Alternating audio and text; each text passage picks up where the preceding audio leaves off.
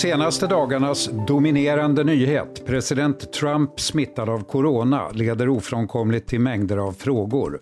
Nummer ett, den cyniska. Tjänar eller förlorar han politiskt på sin sjukdom? Dessutom, läkarnas roll, hur trovärdiga har de varit? En viktig fråga också med tanke på USAs ofta ålderstigna politiker. Och hur betydelsefull blir nu vicepresidentdebatten senare i veckan? Studio DN idag om Trump, sjukdomen och valet om en månad.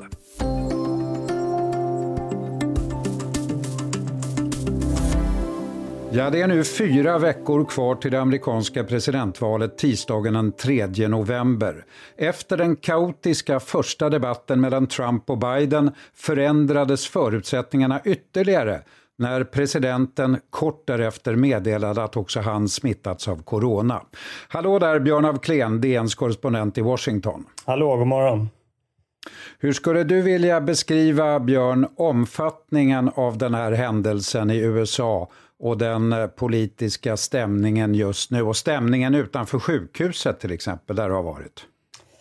Ja, ja men intresset är naturligtvis enormt för president Trumps insjuknande och eh, eh, stämningen utanför sjukhuset är speciellt i sig. Jag var där igår kväll och tittade och det är ju ett militärsjukhus, väldigt pampigt, nästan, förlåt, nästan sovjetiskt i sin karaktär, omgivet av taggtråd och höga murar och så. Men utanför en av entréerna så står då ett hundratal Trump-anhängare eh, och skriker fyra år till. De äter pizza från pappkartong utlagd på trottoaren och det vajar med stora Trump-flaggor och varje gång det kör förbi någon Trump-anhängare så tutar de och de jublar. Så det är nästan en slags karnevalisk stämning som säger någonting också om hur presidenten har hanterat det här insjuknandet som ett slags kampanjevenemang närmast där han ju inte har legat still i sjukhussängen utan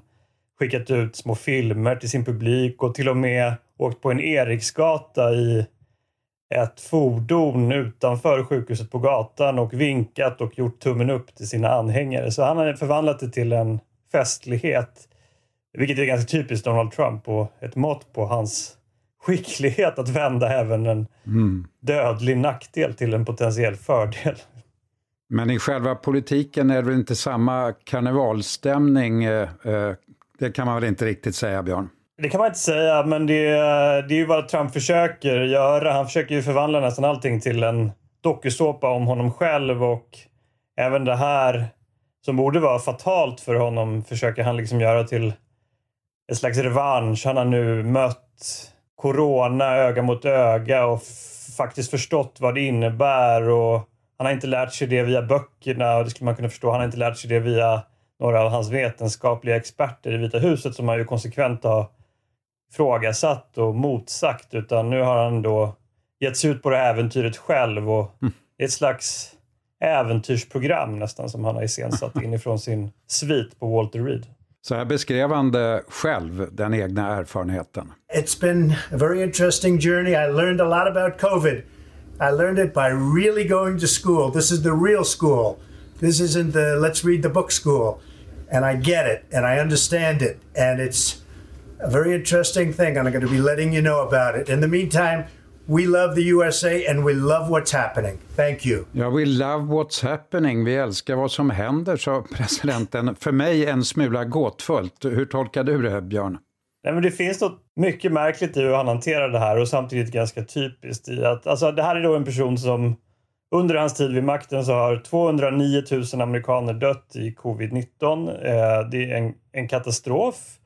Eh, och när han själv får eh, till slut så är det inte som man inser situationens allvar utan snarare förvandlar det till en happening där han liksom själv får en smak av det här spännande som han menar har hänt nationen. Och det, jag tror att det, det är skamlöst på en nivå så att det blir fascinerande. Och medier kan ju inte låta bli att rapportera om allt han säger och gör. Så på det sättet vinner han ju i alla fall i ögonblicket. Än en gång så är det hans version av den här händelsen som tar väldigt stor plats i offentligheten.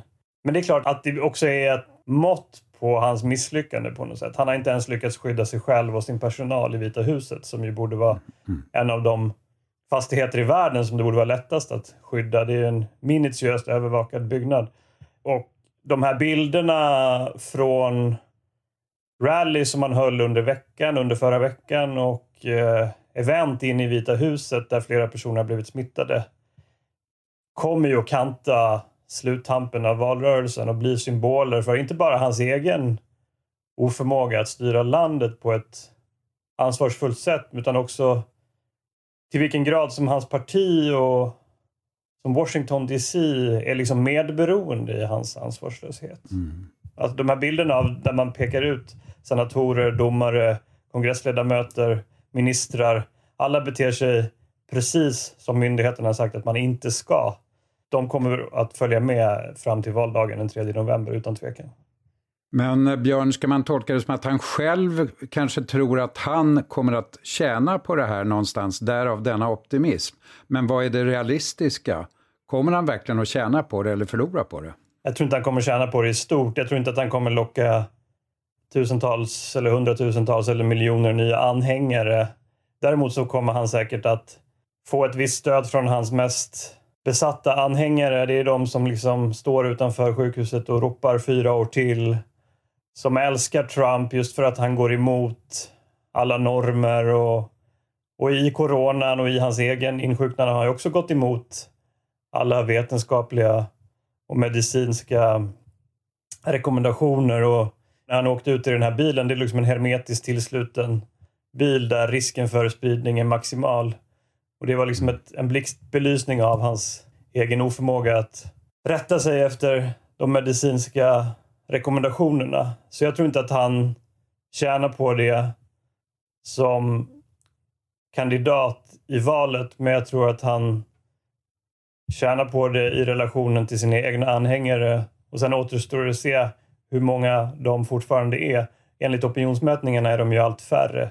Och det var, jag såg någon som kom ut nu strax efter hans insjuknande som visade att avståndet till Biden hade breddats ytterligare. När vi kommer tillbaka, Björn, ska vi resonera mer om vad sjukdomen betyder framåt för debatterna och för resten av valrörelsen.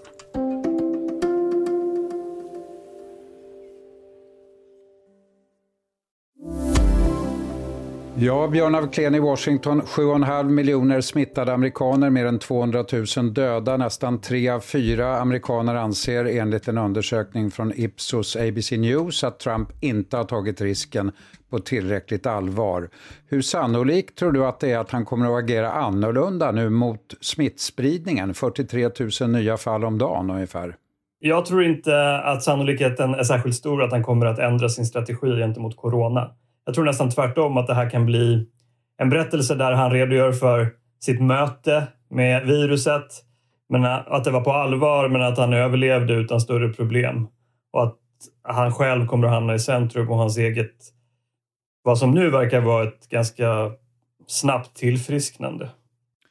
Men det här är alltså en president eh, som till exempel enligt brorsdottern Mary Trump ser sjukdom som en oförlåtlig svaghet, säger hon. Oacceptabel svaghet.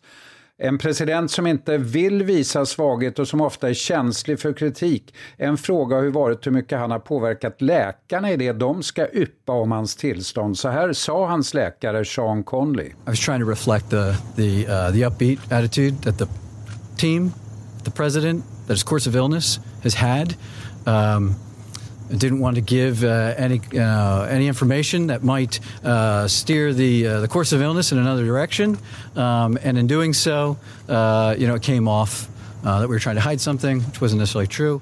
Jag vill inte ge någon information som kunde påverka sjukdomsförloppet, sa Conley. Eh, det här har ju ställt till mycket eh, upprördhet bland journalister och de som ska försöka tolka hur sjuk Trump egentligen har varit, Björn. Det här är väl den perfekta bilden av vad Trump har gjort med eh, delar av statsapparaten. Att en läkare, presidentens läkare i kommunikation med omvärlden säger att han inte ville styra sjukdomen i fel riktning genom att ge en sminkad bild av Trumps läge det är ju liksom Trumps idé om hur man botar sjukdomar. Att om man tänker på dem positivt så kommer de inte att förvärras, de kommer de att försvinna. Det är också så han har talat om viruset, att viruset mirakulöst kommer att försvinna. Och när han talade med Bob Woodward så har han ju själv erkänt, journalisten Bob Woodward själv, själv erkänt att han spelade ner virusrisker för att han inte ville skapa panik i samhället. Mm. Och eh, Det är ju djupt illavarslande att läkare på det mest ansedda militärsjukhuset kanske i världen tar så lätt på sanningen, är så styrd av presidenten i ett så här kritiskt läge. Förtroendeunderskottet är ju enormt i relationen mellan landet och Vita huset när inte ens en läkare som liksom ska vara den mest betrodda yrkesgruppen, den mest självständiga yrkesgruppen, kan säga vad som är sant. Omedelbart efteråt så gick ju Trumps stabschef Mark Meadows ut och gav en helt annan bild. Eh, I plötslig, i plötslig sanningslidelse, uppenbarligen oroad över vad som skulle kunna hända med, med, med förtroendet för Vita huset om Trump hastigt skulle bli mycket sämre. Så det säger någonting om hur, hur allvarligt den här situationen är. Ja, den 40-årige Conley, läkaren alltså, som enligt källor i Vita huset redan tidigare har vittnat om stark stress i sitt jobb som läkare åt presidenten. Å ena sidan patientens önskemål och den andra allmänhetens rätt att få veta men eh, Trump har alltså de facto uppenbarligen kunnat vara betraktad som en superspridare med nomineringsfesten för domare Barrett till exempel. Hur tar man allt det här? Hur påverkas till exempel det republikanska partiet av det här, Björn, som eh, redan tidigare inte var helt överens om hur man ska handskas med Trump?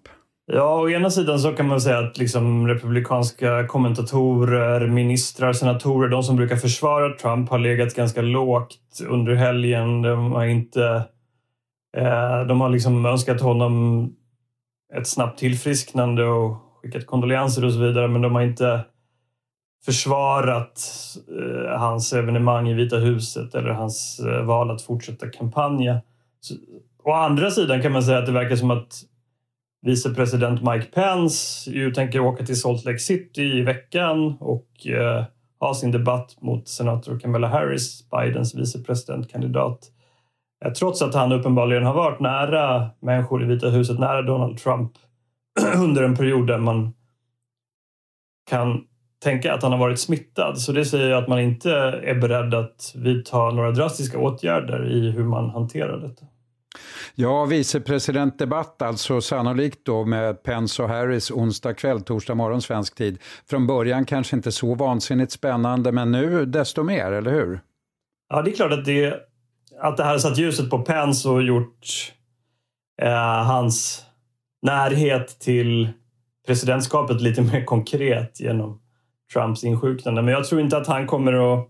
Det som har präglat Mike Pence är ju en extrem lojalitet till Donald Trump och jag tror särskilt i det här läget så kommer han att intyga gång efter gång under den här debatten att han är nummer två och att eh, han har utfört president Trumps agenda. Jag tror han kommer passa sig väldigt noga för att framställa sig själv som den sittande presidenten eller som potentiell president. Det tror jag skulle förarga Trump väldigt mycket. Mm, det kan man anta.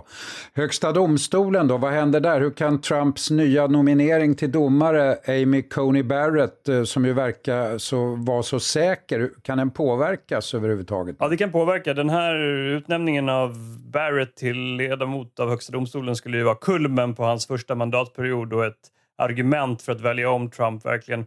Nu har ju flera republikanska senatorer som sitter på justitieutskottet som ska fråga ut Barrett och få henne invald själva drabbats av corona och det är inte säkert att den här hearingen, de här utfrågningarna kan genomföras som det var planerat från den 12 oktober. Och det är förstås Demokraterna tänker argumentera mot att de här utfrågningarna ska hållas. Uh, så det är verkligen, det kan bli en, en, en väldigt allvarlig konsekvens av mm. den här det här spridandet av smittan in i Vita huset och under nomineringsfesten till Barretts ära i Vita huset. Mm. Avslutningsvis då Björn, många av USAs toppolitiker är ju över 80 år. Den närmaste successionsordningen efter Trump och vicepresident Pence är talmannen Nancy Pelosi 80 och senatspresidenten Charles Grassley 87 och sen är det många, många fler. Europas ledare blir yngre, USAs äldre Sjukjournalerna blir allt viktigare, Björn. Ja, det är häpnadsväckande att läsa de här eh, läsa hur gamla de faktiskt är. De är, 90, de är närmare 90 år, många av de viktigaste personerna som ska eh, utöva kontroll över Donald Trump. Och eh, det är klart att i det här läget när vi vet att hög ålder påverkar hur, hur, hur illa man drabbas av corona så är det eh, illavarslande att de i successionsordningen är så gamla. Det påminner ju ibland om ett ålderdomshem, senaten närmast. Alltså, jag kommer ihåg när jag var på eh, riksrättegången och man tittade ner på de här människorna och hur gamla de såg ut, särskilt när de fick sitta länge och lyssna. Eh, så det säger någonting om hur ofas Washington faktiskt är med landet i övrigt när de styrande är så ålderstigna och i det här läget är det ju rent konkret en risk faktiskt. Tack så mycket. Björn af Kleen i Washington. Studio DN imorgon om Kina som nu återgår till det normala med ett intensivt resande under Gyllene veckan nu. Studio DN görs för Podplay, producent Sabina Marmelakai, exekutiv producent Augustin Erba, ljudtekniker Patrik Miesenberger, teknik Jonas Lindskog, Bauer Media. Jag heter Lasse Bengtsson. Vi hörs!